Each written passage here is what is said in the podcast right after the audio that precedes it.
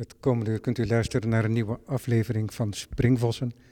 Mijn naam is Robert van Altena en vandaag heb ik een gesprek met kunstenaar Gijs Vrieling. Dankjewel Gijs dat je met me in gesprek wilt gaan, opnieuw.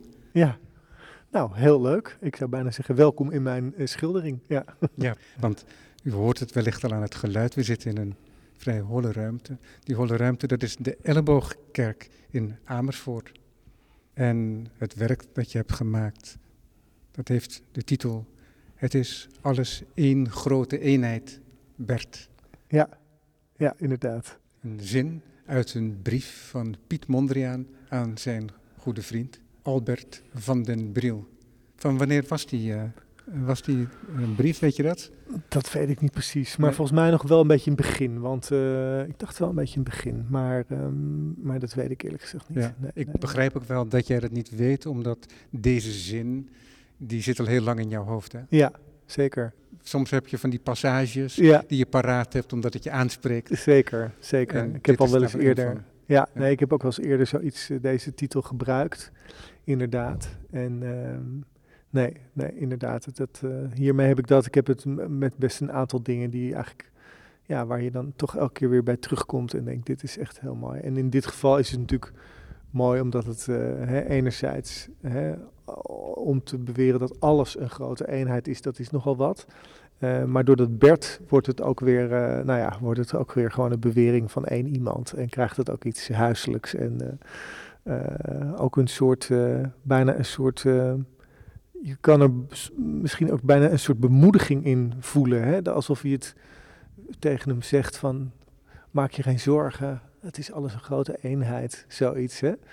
Dat, misschien lees ik dat erin, maar dat, dat, dat vind ik ook als een soort boventoon. Ja, dat is natuurlijk mooi dat als je zo'n zin eruit ligt. Mm-hmm. En dan met de kennis die je dan hebt van Mondriaan en van zijn schilderkunst. Misschien door lezing van mm-hmm. de biografieën bijvoorbeeld, hè, die er nu zijn. Dan kun je die zin betekenis gaan geven vanuit die kennis. Maar dat kan helemaal inderdaad een hele verre afgeleide zijn van wat er uiteindelijk gezegd is. Ja, ja, maar die zin helpt ons toch misschien om na te denken dan over de kunst van Mondriaan. Dat is niet de reden waarom je het hier gebruikt.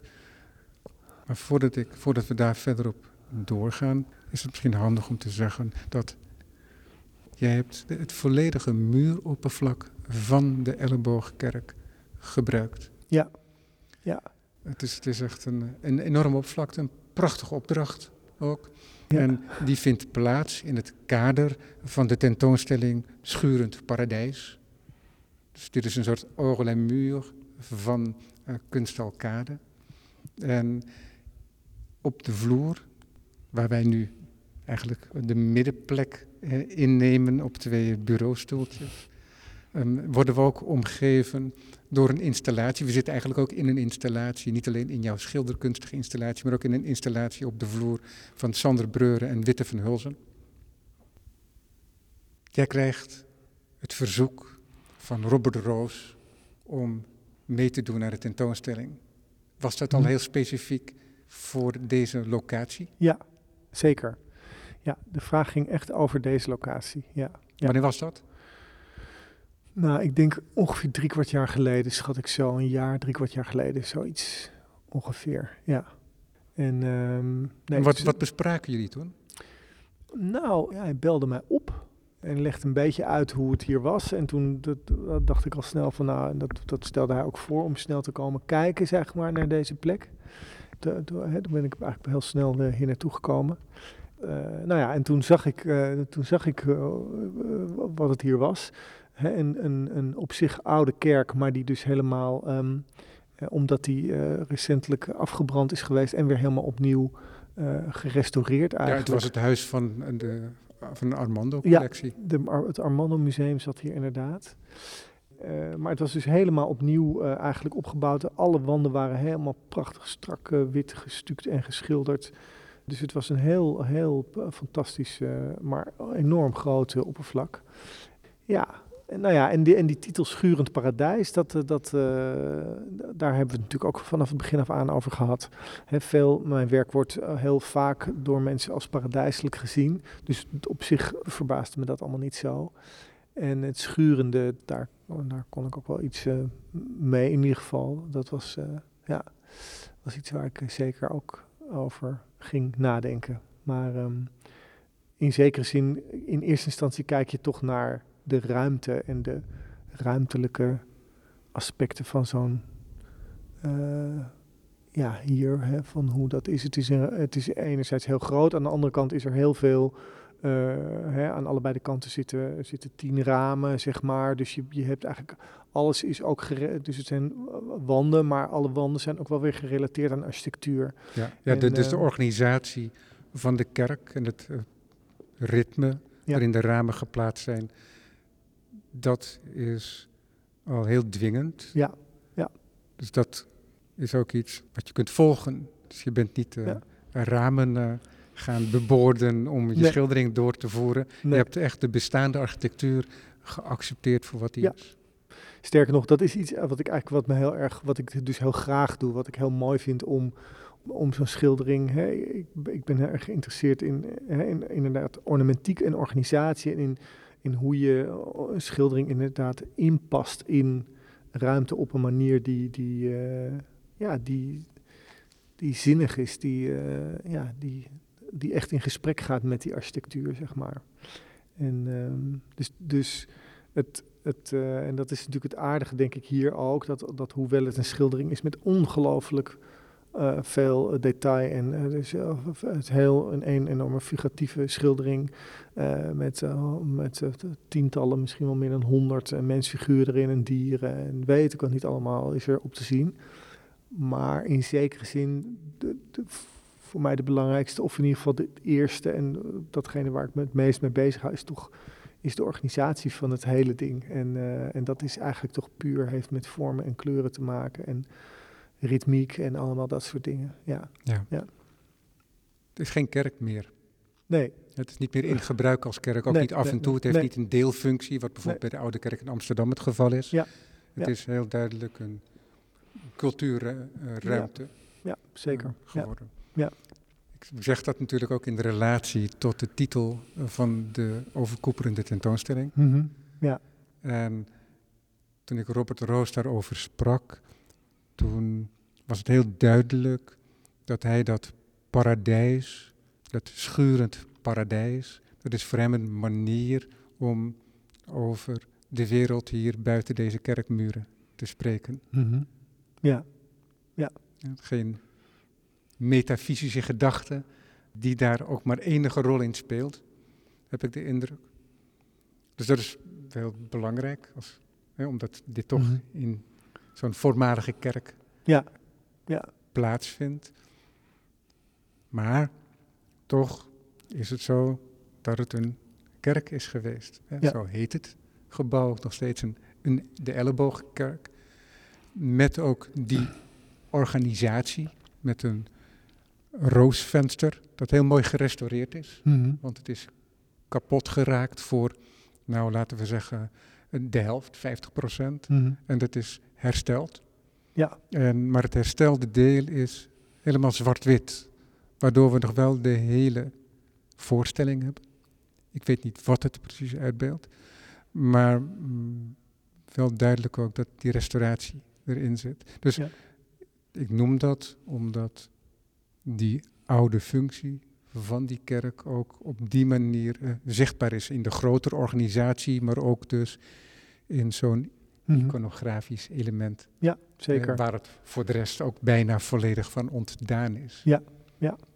Nee, maar je voelt dan alles als je binnenloopt dat het een, een kerk is. Hè? Ja. Terwijl eigenlijk alleen de wanden hè, nog origineel zijn. Het hele dak is nieuw. Ook helemaal nieuw, uh, hè, nieuw ontworpen en heeft helemaal niet een, uh, verwijst helemaal niet historisch. Sterker nog, er is een hele bovenkant zit een hele grote lichtkoepel ingemaakt. En de vloer is ook, dus ook heel bepaald. Die is helemaal strak en glad en uh, een, een lichtgrijze gietvloer. Dus er zijn allerlei elementen die heel erg ja, tegen dat kerkachtige inspreken. Maar niettemin als je binnenkomt, dan is het evident dat dat het is. Ja. ja.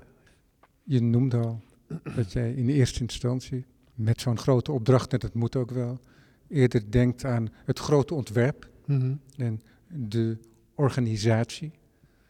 Maar je moet natuurlijk ook gaan nadenken over wat Ja, je binnen die organisatie wilt tonen. zeker. Ik stel mezelf voor dat dat hand in hand gaat. Ja, Een beetje dat er niet een specifieke volgorde is die de overhand neemt.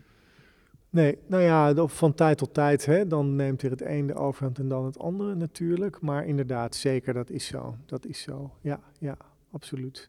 En ook daarin, maar, maar, en maar wat natuurlijk het interessante is, denk ik, in de kunst, is dat inhoudelijke dingen ook geboren kunnen worden uit eigenlijk formele randvoorwaarden of opgaven. Dus bijvoorbeeld in dit geval is, eh, is eigenlijk de ruimte zo dat de wanden als het ware op eh, tot eh, 2,5, 3 meter hoogte zijn min of meer ononderbroken. Ja, er zitten wel een paar deuropeningen in, maar is eigenlijk min of meer echt een hele lange doorlopende vries. En daarboven zijn ze elke keer eigenlijk onderbroken door hele grote ramen. Eh, nou, een van de dingen die ik, eh, nou ja, die ik wilde doen is eh, ja, hè, om, om ervoor te zorgen dat het, dat het werk als een soort eenheid ook ervaren wordt. Ook in, inhoudelijk als een eenheid of als een... Ja, dat je niet dat je als je binnenkomt, dat je allerlei versnipperde fragmenten ziet Ja, die pas betekenis krijgen als je ervoor gaat staan. ja, Maar dat je met een draai op de hakken, Ja. midden staand hier, midden in die zaal Ja. waar wij ons nu bevinden, ja, dat je al een idee krijgt van een organisatie en van een geheel. Dus dat het werk op verschillende niveaus precies. functioneert. Ja, precies. Precies, dat is eigenlijk heel eh, precies, da- daar gaat het eigenlijk eh, heel erg om. Hè? Dat, je, dat je inderdaad in één opslag, oogopslag ook eh, al heel veel weet. En in dit geval was zeg maar het idee waardoor ik, waardoor ik eigenlijk, nou, eh, waardoor ik dacht dat zou heel goed kunnen werken, is dat ik eigenlijk die, eh, d- d- hè, die, die grote horizontale eh, doorlopende baan die zo'n beetje... hè, Ja, het is eigenlijk de borstwering. de borstwering zou je kunnen zeggen, precies. Dat dat eigenlijk onder de grond is. Hè? Dus je, eigenlijk zie je een soort hele grote doorsnede door een landschap. De, en de, het, het maaiveld, zeg maar, dat be- bevindt zich boven je hoofd. Dus het zijn eigenlijk heuvels en, eh, heuvels en, en het laagste punt is eigenlijk boven je hoofd nog. En je kijkt als het ware, je staat op dezelfde hoogte als een, eigenlijk een soort hele serie grotten. Eigenlijk grotten en een soort ja, en eigenlijk een soort, je zou kunnen zeggen, eh catacombe-achtige gestapelde grotten ook. Hè, dus er zijn, eh, zijn grotten waarin, waarin mensen bij wijze van spreken kunnen zitten aan een tafel. En er zijn een soort gestapelde eh, grotten boven elkaar, waar het, waar het model van de, van de oude eh, eh, kop- catacombe in Rome of in Parijs. Hè, ja, maar in, ik, ken het, ik, ken het, ik ken het ook inderdaad van, van muurschilderingen Mhm. uit oude kerken toch ook. Ja? Dat je van die gestapelde, van die stapelingen hebt. Dat heb ik wel eens gezien. Oké. Ja. Ja.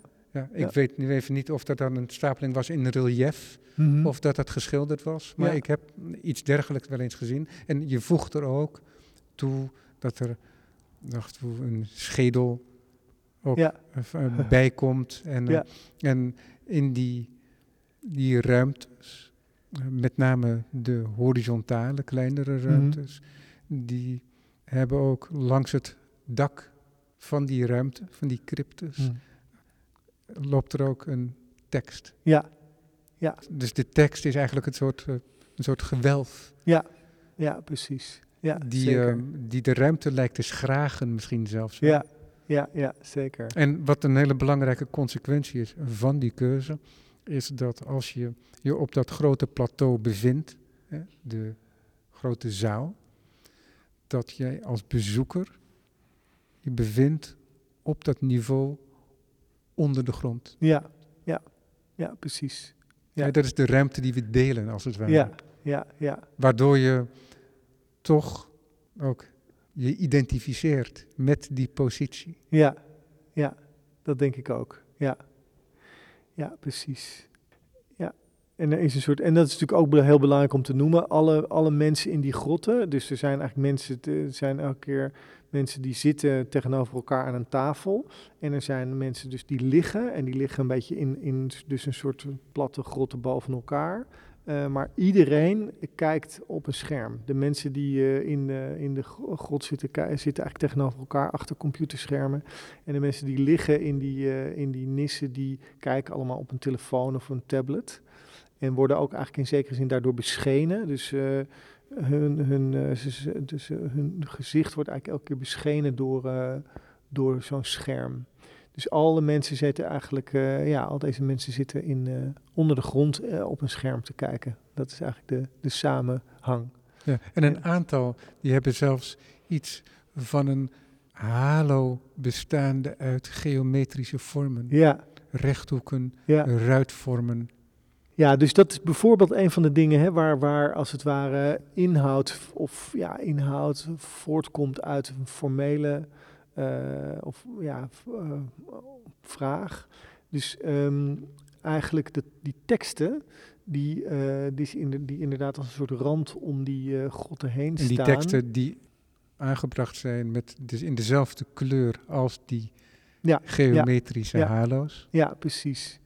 Eigenlijk begon het ermee dat ik hier op een. wij werkten door de week, maar ik ben hier op een gegeven moment op een zaterdag terug naartoe gegaan om even we hebben, we werkten, ik werkte met twintig assistenten, dus er gebeurt dan zoveel. En ik ben eigenlijk zoveel aan het organiseren en aansturen dat, um, nou ja, dat ik dacht, ik moet ook even op een dag uh, rustig in mijn eentje hier rondkijken wat er nou allemaal, uh, hoe het nou eigenlijk wordt allemaal. Toen ging ik uitproberen eh, ik had een bepaalde tekst die ik op de wand wilde zetten. En toen, nou ja, op een of andere kwam het in me op om ook een, een tekst langs die rand van zo'n god te schilderen. En dat beviel me eigenlijk ongelooflijk mooi. Ik vond het er heel mooi uitzien. En um, op een of andere manier komt er een soort uh, precisie of gedetailleerdheid in, uh, in het uh, beeld terecht, die me ongelooflijk goed beviel. Ik dacht wel meteen van ja, ik heb niet de tijd om, want dat, ja, die letters, dat is een, toch een behoorlijke precies gekalligrafeerd lettertype. En ik dacht ja, dat, ik, dat moet ik zelf doen en ik eh, heb er gewoon geen tijd om al die hè, tientallen grotten allemaal teksten te gaan kalligraferen. Dus ik dacht, nou, ik doe er hier en daar misschien eens eentje. Maar toen uh, een van mijn vaste assistenten, die, die zei die maandag erop, die zei, god, teksten, dat lijkt me ook nog wel eens leuk om te doen. Ja, die ging dat toen eens even uitproberen en dat ging heel erg goed. Dus die ging plotseling als een soort printer begon die uh, allemaal teksten op te. Ik bedoel, wel teksten die ik had uh, uh, op aangegeven, maar begon die allemaal daarin te schilderen. En dat ging eigenlijk heel goed. Dus toen leek het er eigenlijk plotseling op dat er wel eigenlijk in elke grot een tekst zou kunnen komen. En um, daarna heb ik weer eigenlijk dus de mensen die zitten, die eigenlijk meer een soort ja, dagfunctie hebben, die eigenlijk aan het werk zijn, zou je kunnen zeggen. Die, dat valt ook zitten. onder de ramen, hè? onder de grote vensters. Ja, ja, precies dacht, ja, daar, daar, uh, daar moet ook iets gebeuren. Toen kwam ik op het idee om een soort, om het, op het schema zoals, een, zoals uh, protocollen of in zekere zin ook algoritmes worden opgesteld. He, dus dat je, he, dat je eigenlijk een reeks van commando's en opeenvolgende uh, commando's eigenlijk voor allemaal als dan hè, reeksen. Als dit, dan dat, als dit, dan dat, als dit, dan dat. Ja, dat is natuurlijk het grondbegrip van een protocol en ook het grondbegrip van een algoritme eigenlijk. En uh, ik dacht, dat hebben al die mensen, ja, die hebben dat inderdaad als een soort halo om hun hoofd. He, dus dat je helemaal eigenlijk geregeerd wordt door algoritmes, door, door eigenlijk lineaire als dan reeksen. Dus die, de, dat, uh, dat heb ik toen zo bedacht. Ja, ja, ja mooi. Ja. En iedereen dus ook met een beschenen gelaat ja. uh, van die verschillende telefoon- en computerschermen. Ja, ja, zo is het. Ja. ja. En uh, daarboven hebben we allerhande afbeeldingen. Terwijl ik dit zeg, valt mijn blik op een ridder ja. in harnas die een boompje uh, lijkt te aanbidden. Ja. Uh, met een prachtige blauwe tooi. Ja.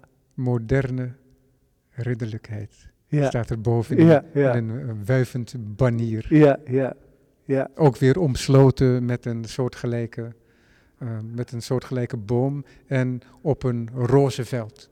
Ja. ja. dat staat misschien ook wel weer in relatie dan met het idee van de moderne ridderlijkheid. Maar ook een dame met stevig wandelgeschoeite en laten we zeggen een zomerjurk. Ja, zeker. Met bloemen. Ja. Ja. Meisje met een paard, een tuinier. Ja. Een tuinier die aanbeden wordt, lijkt wel. Ja. ja. Zo is Jezus is ook wel eens de tuinier genoemd, toch? Ja, Als, um, zeker. De hovenier. De hovenier, ja. ja. zeker. Zeker. Maar die zou, ja, die zou dan toch weer anders aanbeden worden dan deze figuur. Dat denk ik ook. Ja, ja. ja nee, deze figuren zijn er eigenlijk ingekomen omdat um, uh, het was zo, toen ik uh, helemaal aan het begin hierover aan het nadenken was, was een hele praktische kant ook van nou, hoe krijg ik het uh, in godesnaam allemaal volgeschilderd? En dat was toch ook wel echt een grote vraag. En ik werk, ik werk altijd met assistenten, maar ik dacht in dit geval, ja, dit, het is een tijdelijke schildering. Als ik, en ik begon wel een beetje een inschatting te maken. Ik dacht, nou, dan heb ik toch wel inderdaad zo 15, 20 mensen nodig, een maand lang. Uh, nou, ik wil mensen ook altijd een beetje gewoon fatsoenlijk kunnen betalen. Ja, ik dacht, dat, wordt, dat gaat gewoon zo ontzettend veel geld kosten. Dat is, dat is niet helemaal in relatie tot, nou ja, tot een, tot een werk wat eigenlijk een tijdelijk werk is. En... Um, en toen ging het eigenlijk zo, mijn, uh, uh, mijn zusje die organiseert een, um, een, een keuzevak op de Leidse Hogeschool.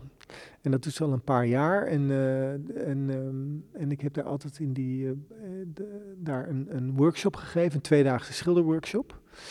En, en ik heb ook wel eens met een aantal van die mensen dan, als ik later in het jaar zelf ergens een schildering aan het maken was, gevraagd of die me dan konden helpen ergens bij. En... Uh, nou, dat was altijd eigenlijk heel leuk. Toen ik hier dus aan het piekeren was van ja, hoe krijg ik nou voldoende mensen bij elkaar om dit te doen, toen, toen heb ik eigenlijk mijn zusje Saar opgebeld en gezegd, goh, is het denkbaar dat we niet twee dagen, maar misschien een hele maand uh, zouden werken met jouw studenten? En ehm, nou, daar, daar zijn we toen over gaan praten en...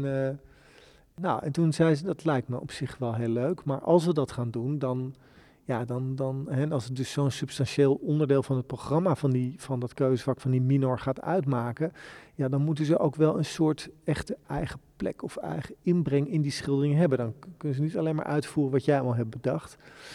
En eigenlijk die minor, dat heet een, dat is een minor antroposofie. Nou, antroposofie, daar, ga ik niet nu allemaal uitleggen wat het is, maar daar, daar uh, in ieder geval in deze minor is dat zo uh, eigenlijk geformuleerd dat ze die, dat, dat keuzevak in drie periodes hebben ingedeeld. Eén periode, een eerste periode waarin je eigenlijk uh, uh, gaat onderzoeken wat zijn mijn idealen. Een tweede periode waarin je gaat onderzoeken waar zijn, welke mensen zijn er nou nog meer in de wereld, die, of plekken in deze wereld waar deze, de idealen die ik zelf heb ook leven. En ten derde, hoe word ik zelf de persoon die ook deze idealen tot werkelijkheid gaat brengen. En eigenlijk uit die hele gecondenseerde uh, beschrijving van die minor uh, kwam ik op, op, op, een gegeven moment op het idee, ik dacht het is mooi als ze dan ook allemaal als deel van het werk wat ze hier doen een zelfportret maken. Eigenlijk een zelfportret als ideaal, een, een soort ideaal zelfportret. Zo, zo gezegd, zo gedaan. En, en ik moet zeggen, uh, daarin, hè, dat, die zelfportretten zijn nou, toch een meter of drie, sommige nog wel wat groter, misschien wel tegen de vier aan uh, hoog. En uh, daarin hebben ze zich bepaald niet ingehouden. En uh, voor, terwijl het voor een groot deel mensen zijn die überhaupt nooit zelf schilderen of nog nooit geschilderd hadden. maar, en het brengt een element in die schildering, een soort ja, naïviteit en durf en weet ik wat niet allemaal die, ja, die ik zelf nooit meer, die ik zelf nooit zo op deze manier zou kunnen. Uh, uh, ja, uh, ik zou het zelf nooit op deze manier kunnen. En dus ik kijk nu zelf uit op een soort sprookjesprinses, enorme sprookjesprinses. Dus een, een ja, studenten van een ja, jaar of 21 die zichzelf schaamteloos in een ja, soort grote middeleeuwse jurk met bloemen en een en een vogelkooi in haar arm en ook een, een soort voile met een veer erop uh, heeft geschilderd. Een open vogelkooi overigens. Een open vogelkooi, ja. Het zit vol met... Uh, Belangrijk met, uh, detail. Ja. En aan de andere kant, en dan zie je aan rechts daarvan zie je een echtpaar. Dus de jongen die, die dacht, ja, mijn ideaal, mijn ideaal is toch wel het feit dat ik getrouwd ben en pas net. Dus die ging zichzelf met zijn nieuwe bruid samen schilderen. En, en aan de linkerkant zien we een, een, ook een, een vrouw die achterstevoor op een ezel zit, terwijl ze ja, iets aan het eten is. En uh, daar, ik kan me herinneren toen, toen ze met dit ontwerp kwam, toen was ik daar wel, ik dacht, goh, wat, wat, wat is dit dan voor ideaal wat je hier aan het schilderen bent? En toen zei ze, nou, ik denk gewoon, als ik achterstevoor op een ezel kan rijden, dan heb ik werkelijk geen enkel probleem meer in de wereld. En dat vond ik eigenlijk zo, uh, zo mooi en recht door zee bedacht. Nou ja, zo, daar zit de kerk dus vol mee. En onder andere ook de ridder. Dus een jongen die zich helemaal, ja, toch helemaal als het ware, de, de, uh, zijn ideaal toch een soort hedendaags ridderschap zou zijn. En zich daar helemaal in ging verdiepen. Nou, ik vond het, het een nog hoopgevender en opwindender dan het andere. Ja, dus dat is hier allemaal, heeft hier allemaal ook een plek gekregen. En ook dus deze jongen, deze uh, naakte of bijna naakte tuinier met zijn, uh, die wel een, een hele hoog, uh, hoog gesloten zwembroek aan heeft. Maar dat is dus ook een zelfportret. Dus hij, hij heeft zichzelf als een soort grotendeels naakte Adonis afgebeeld, die dus aanbeden wordt en wiens gymschoenen ook gekust worden door een soort nogal wormachtige, kruiperige typjes ja, ook dit als ideaal uh, ja, had ik toch niet zomaar zelf uit de mouw weten te schudden. Ja. ja. En dan um, hebben we bij de entree, mm -hmm. dat is echt hele mooie decoratieve golvende lijnen die we eigenlijk ook overal door de schildering zien. Ja, dat is als een rivier loopt dat langs en door alle andere beelden heen. Dus ja. dat is een soort verbindende lijn ja. die um, op die wand in verschillende kleuren zijn aangegeven. Dus het zijn niet dat alle kleurenvariaties dan weer terugkomen in de schildering.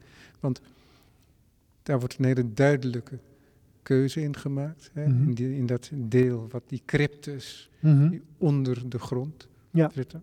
En daarboven loopt ook allerlei gedierte. Ja alles wat loopt en kruipt, uh, zoals het in de Bijbel staat, meen ik. Precies, ja. ja, ja, ja. Um, dus ja. we zien uh, inderdaad uh, kippen, haantjes, een eekhoorn, een schorpioen, een soort spin. En er is, ja, daar, is, daar komt een hoop maakplezier ook bij ja. kijken, denk ik, als je dat allemaal inricht. Dus, dus in die zin zou je kunnen zeggen, het wereld. Maar mm -hmm. wat natuurlijk heel duidelijk is ook. Ik zei net aan het begin al dat dat concept voor die tentoonstelling, schurend paradijs, dat daar in het paradijs toch heel duidelijk ons leven is. Mm -hmm.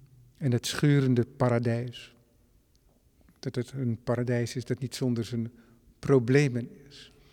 En dat leven in die cryptes en mm -hmm. onder de grond, dat is al een paradox. Mm -hmm. Omdat dat normaal gesproken in de oude ico iconografie dat bestemd is voor die mensen die al gestorven zijn. Ja. Maar dat was dan wel in een wereldbeeld waarbij er iets was van een hiernamaals.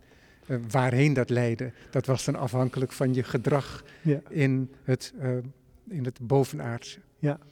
Of in het, in het, op het aardse. En dan zou je dan eventueel aanspraak kunnen maken uh, op iets mooiers of ja. iets uh, beduidend droeviger. Ja, ja. En hier bestaat dat onderscheid niet. Dus we hebben hier niet een soort combinatie van een tuin der lusten en een helle afbeelding. Mm -hmm. Maar we hebben hier toch wel een tweedeling. Ja, zeker. De, ja. En dat is enerzijds dus het leven van de mens op het beeldscherm. Ja. in interactie met het beeldscherm. Ja, ja. Dat is een uh, hele strenge keuze. ja, ja, zeker. Ja. Ja, dus het, het, het, uh, het idee ontstond eigenlijk, uh, het heeft een aantal bronnen, maar um, een van de dingen die, uh, die dat idee als het ware deed ontspringen was de, vrouw van mijn vriend en collega Job Wouters, Maartje. Die, uh, die zei op een gegeven moment, we zaten, ik weet niet, waar we aan het eten of in ieder geval, en die zei toen, die zei ja, al steeds meer mensen die werken eigenlijk alleen nog maar achter die computer. En al die mensen die allemaal in die overal in die kantoor achter die computer zitten te werken, die denken allemaal wel dat ze verschillende dingen aan het doen zijn. Maar eigenlijk doen ze allemaal de hele dag allemaal precies hetzelfde werk. En, um, en dat bleef heel lang bij mij nadijnen. Dat ik dacht, ja, dat is natuurlijk, hè, uh, dat is natuurlijk niet waar. En het is ook helemaal wel waar. En, uh, en eigenlijk uh, kom je dan ook snel bij zo'n soort, hè, bij een soort beelden zoals die bijvoorbeeld in de film The Matrix te zien zijn. Hè, dat eigenlijk het onders, hè, dat er een soort radicaal onderscheid wordt gemaakt tussen het lichaam, het lichaam en, en wat de geest mentaal meemaakt. En dat, dat, dat, dat, dat datgene wat de, wat de geest eigenlijk meemaakt is helemaal virtueel. En het lichaam, dat is in de, dan in de context van de film The Matrix, is het menselijk lichaam wordt eigenlijk als een soort batterij gebruikt. Wordt eigenlijk, de mens, het lichaam, menselijk lichaam wordt eigenlijk verbouwd als een soort gewas om daar uh, stroom uit uit te halen. Maar omdat die mensen niet in leven blijven als ze niet mentaal ook leven, is er dus een soort virtueel programma waarin ze allemaal worden, uh, ja, waarin ze eigenlijk worden bezig gehouden. En, uh, en dat beeld, uh, nou, fantastisch beeld, interessant beeld, al ontzettend veel over geschreven, nagedacht en verteld.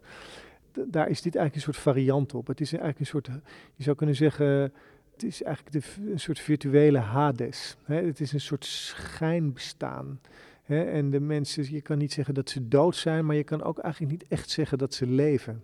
En, daar, hè, en, en, die wereld, die schemerwereld, die vroeger dan de Hades heette, en die inderdaad vaak zo werd afgebeeld, een soort voorgeborgde eigenlijk voor uh, de hemel of de hel, eigenlijk een tussenrijk.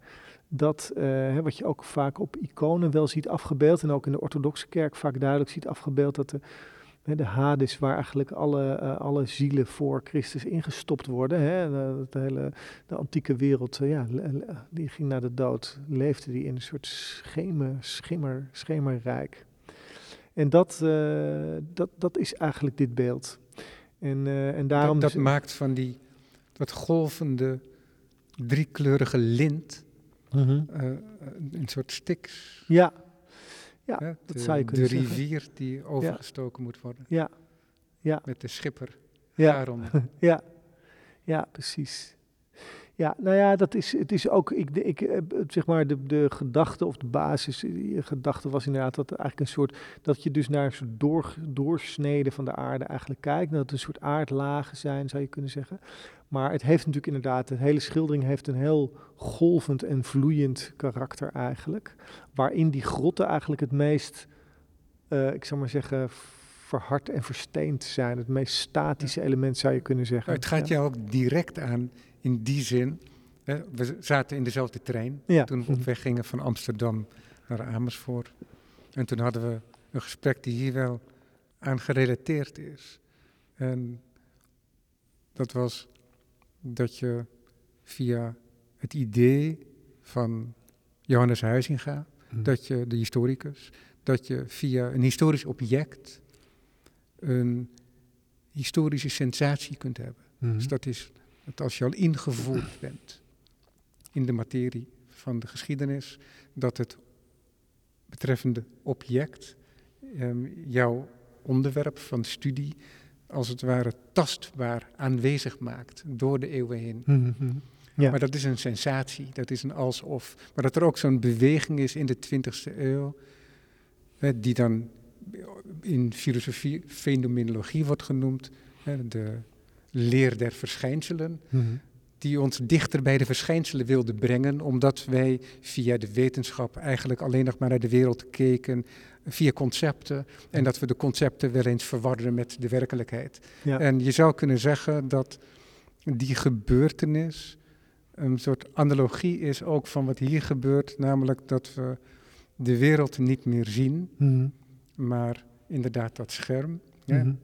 ja. ja. Maar dat jij, gaf jij aan in dat gesprek, als schilder hm. juist altijd met die materie te maken hebt. En dus in die wereld bent. En dat die hele gedachte ten grondslag aan zo'n uh, stroming mhm. wel in een werkkamer rijk met boeken moet zijn bedacht. Omdat je als schilder die vergissing nooit kunt maken.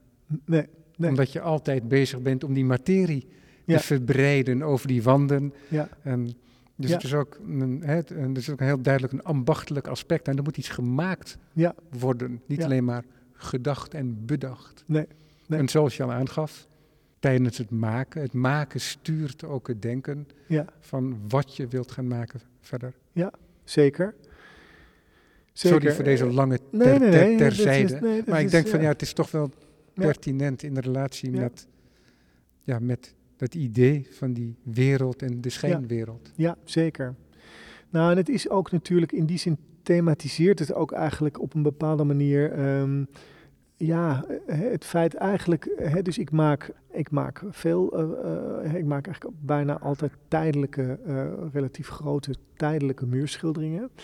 En dat ben ik eigenlijk ook gaan doen omdat ik steeds meer merkte van ja, eigenlijk uiteindelijk toch vind ik het maken van het werk is eigenlijk het aller, dat vind ik eigenlijk interessant. Dat vind ik leuk.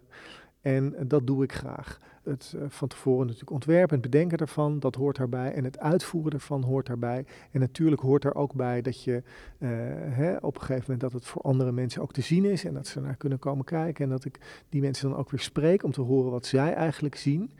Um, hè, en ook zoals wij hier nu over aan het praten zijn.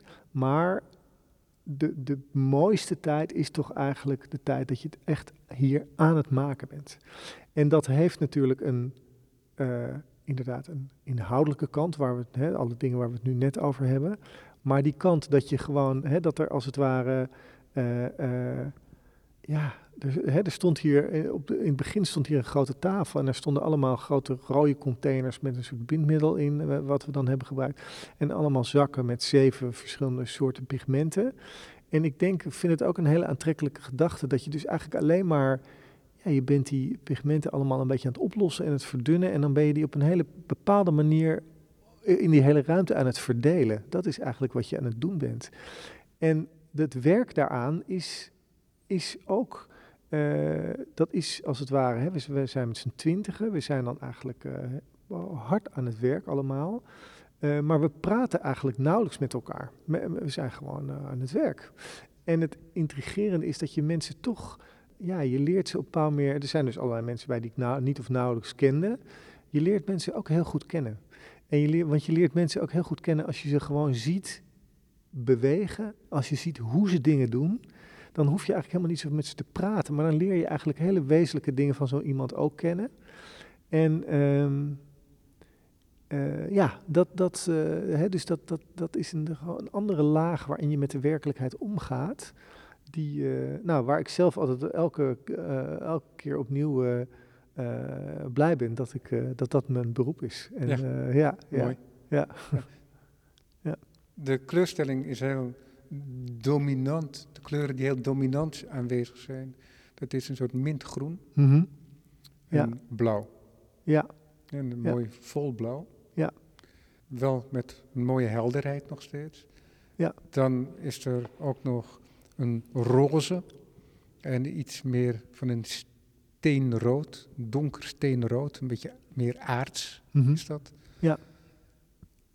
En er is een soort goudgeel. Ja. ja.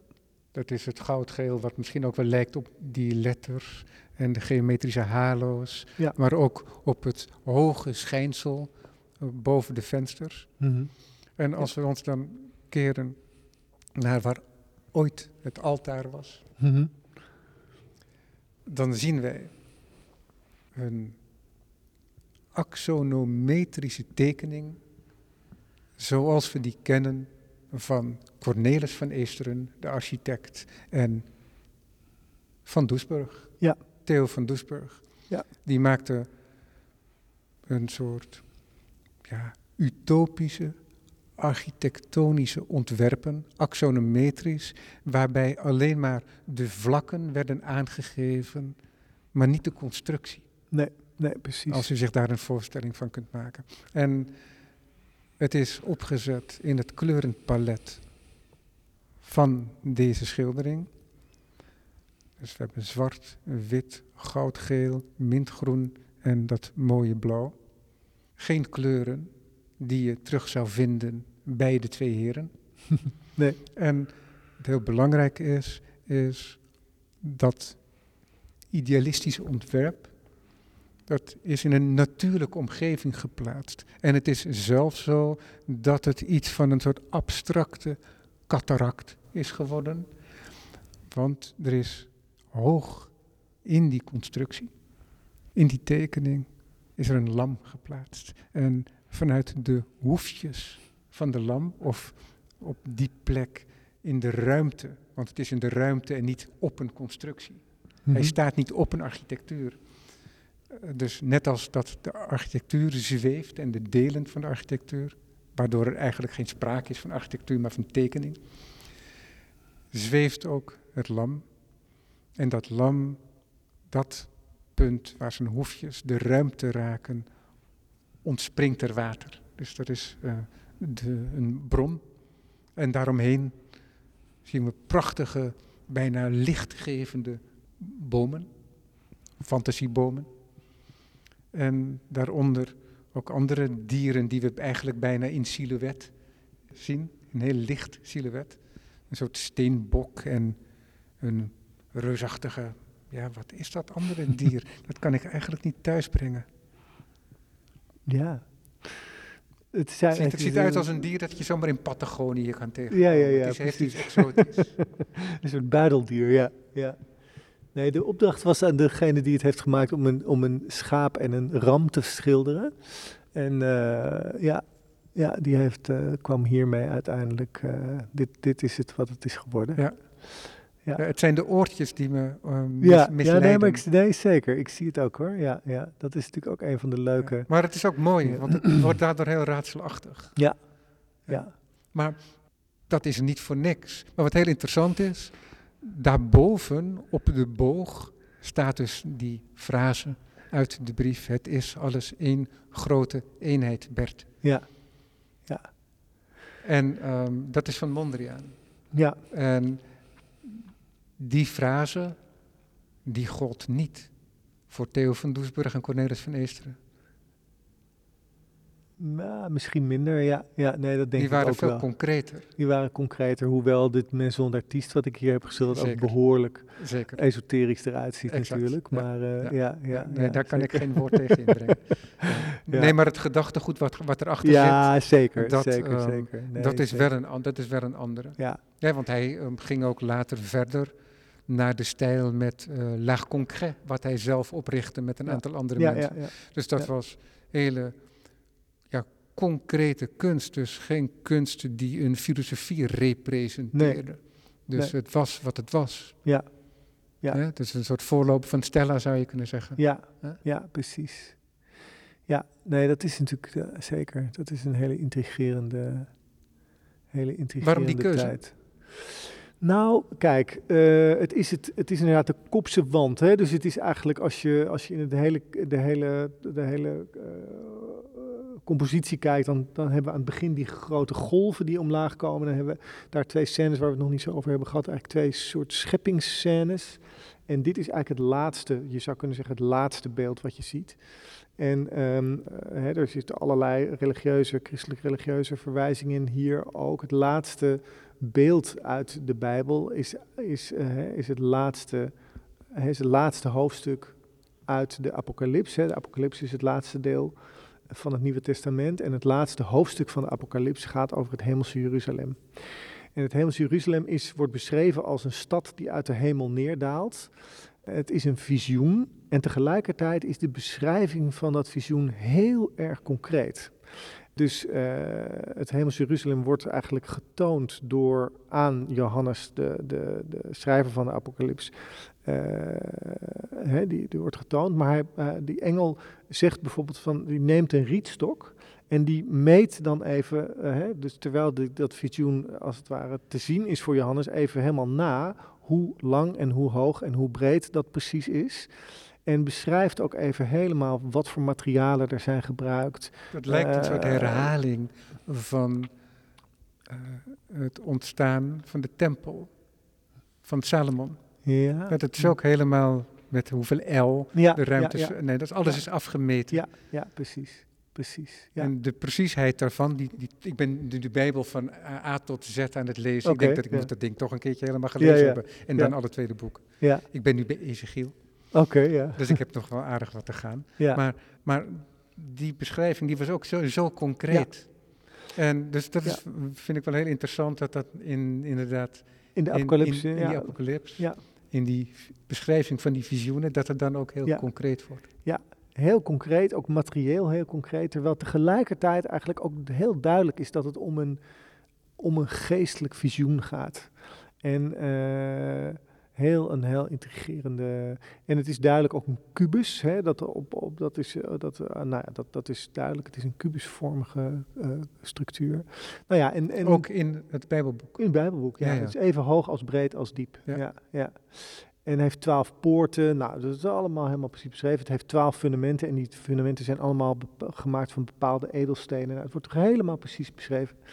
En ehm, als een soort, eh, nou ja, om enerzijds dat, dat element van het Hemels Jeruzalem en anderzijds die verwijzing naar de stijl te maken, heb ik dit, eh, en vond ik ook wel de, de, overeenkomst tussen het Hemels Jeruzalem en een Maison d'Artiste vind ik een mooi soort, eh, hè, iets wat, wat mooi is om samen te voegen.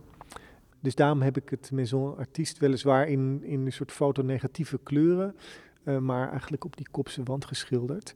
En eh, het, het, ehm, het Hemels Jeruzalem is eigenlijk de, de, eh, ja, de woonplaats van, van het lam, zoals dat in, dan in de Bijbel wordt genoemd. En dus daarom is het dat lam ook hier ja, de bewoner van het, van het, van het Maison. En, en inderdaad onder zijn voeten ontspringen de verschillende waterstromen.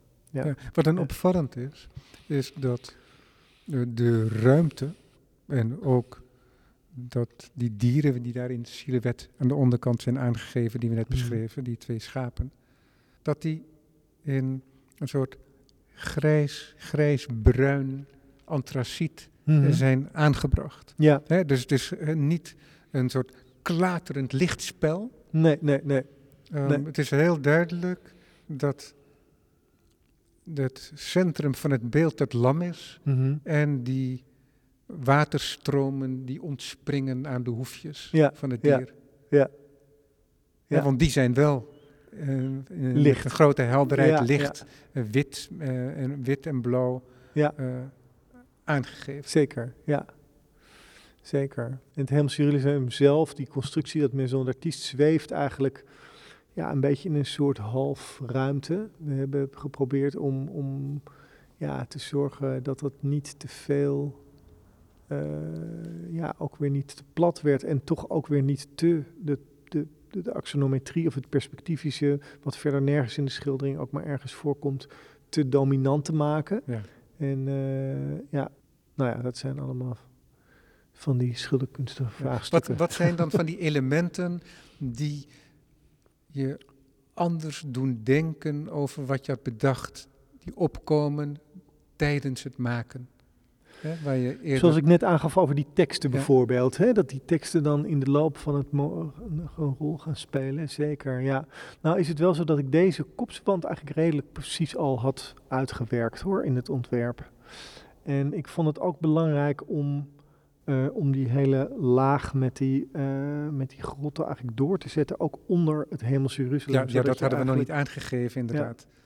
Eh, dus dat eigenlijk het hele vraagstuk van of het nu over een juist een, een hè, dat het als het ware onder de grond een, een soort eh, digitale Hades is en boven de grond is dat boven de grond dan juist de echte materiële wereld of juist een geestelijke of ideële of fantasiewereld.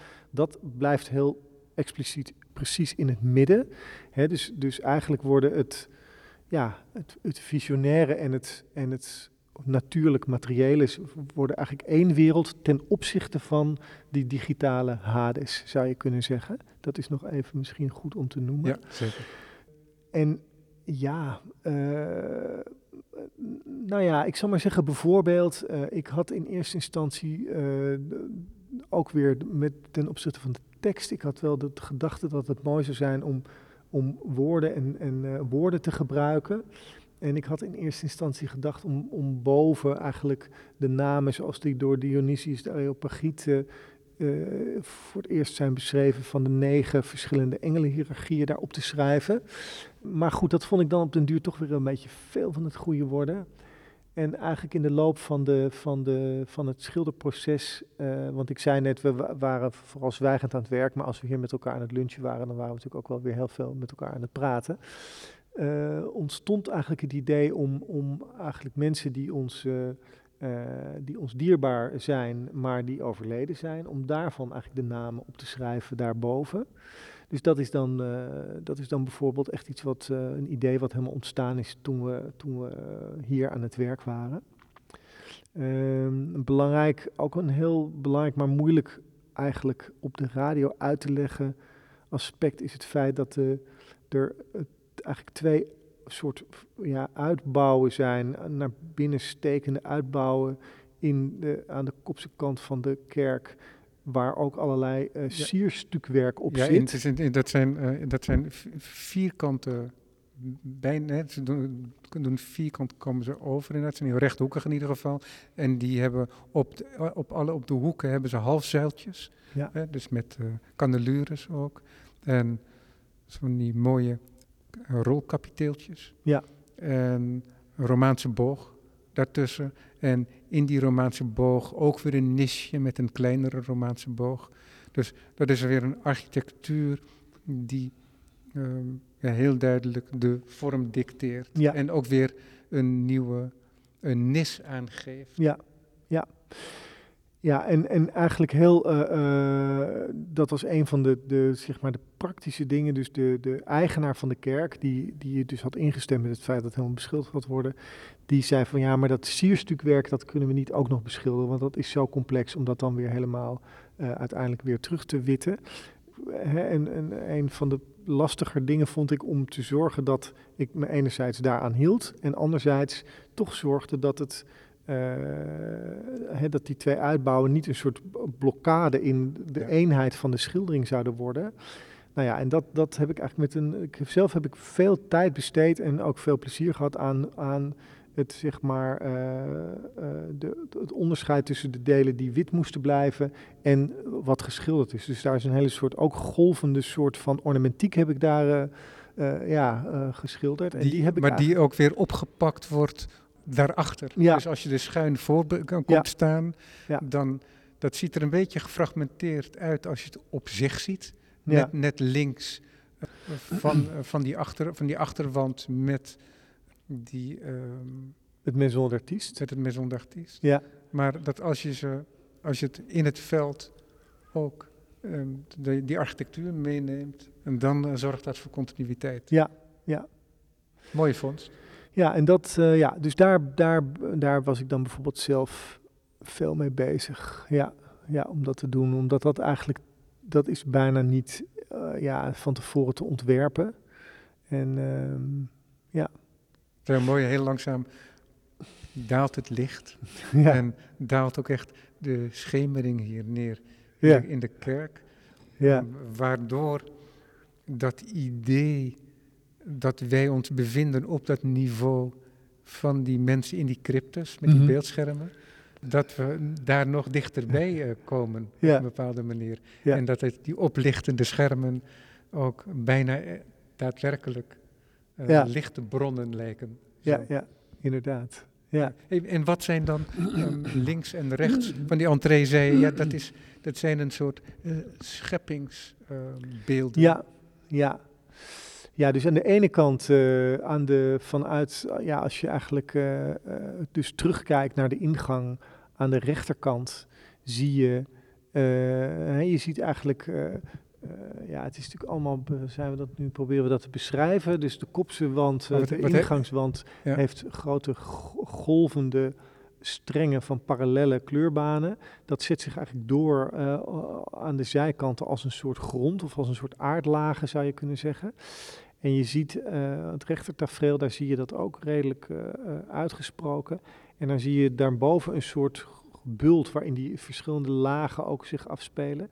En daar zie je aan twee kanten een soort figuur in een werkmansschort die aan het boetseren is. En eigenlijk boetseert hij een, een soort mens die, net zoals Adam, waar, waar, uit de zij ook een, een, een ander mens weer wordt Ja, dat is heel gek in Genesis, want je hebt in, in een tijdsbestek van, van 30 regels, heb je twee um, scheppingsvarianten. Ja. In de, de eerste is het zo dat Adam geschapen wordt en Eva uit de rib. Ja. Maar iets verderop, volgens mij, voor mij twintig regels verderop, staat er dat ze alle twee geschapen worden. Ja, ja, ja. Maar goed, dat, ja. Uh, ik, dat komt zomaar dan nu op ja. weer. Maar, maar goed, maar dat... Nou, het is, het is goed dat je het zegt, omdat dat, uh, uh, dat, dat, daar heb ik natuurlijk vaak mee te maken. Dat als je Hè, zoals ik geïnteresseerd ben in religieuze dingen en ook religieus bent en, hè, en lid bent van een christelijke kerk, dan, dan ontmoet je heel vaak in de, in de reacties erop dat mensen denken dat je hele, ik zeg maar zeggen, nauw omschreven en in beton uitgehakte ideeën hebt over hoe het dan wel zal zijn ja, precies. geweest. En dat, je dat, als het ware, dat je dat als het ware invult. En dat je dat precies uh, ergens leest en dan precies denkt dat het zo is.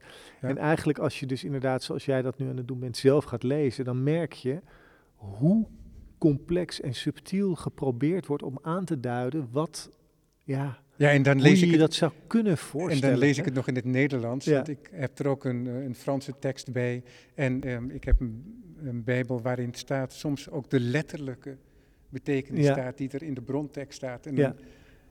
dat heeft toch een heel ander karakter. Zeker. Dus er zit zoveel speling op. Ja. Maar ja, er zijn heel veel manieren om iets te lezen. Net als dat er heel veel manieren zijn om bijvoorbeeld zo'n schildering hier te zien. De andere schildering, daar komen we niet aan toe, want ik zie dat van het einde okay, ja. van, de, van de opname zijn. Ja. Ja. Ja. Het is alles één grote eenheid, Bert, van Gijs Vrieling in de Elleboogkerk in Amersfoort. Het is nog een paar maandjes te zien. Ja, tot 20 augustus. Ja. Dankjewel. Ja, heel graag gedaan.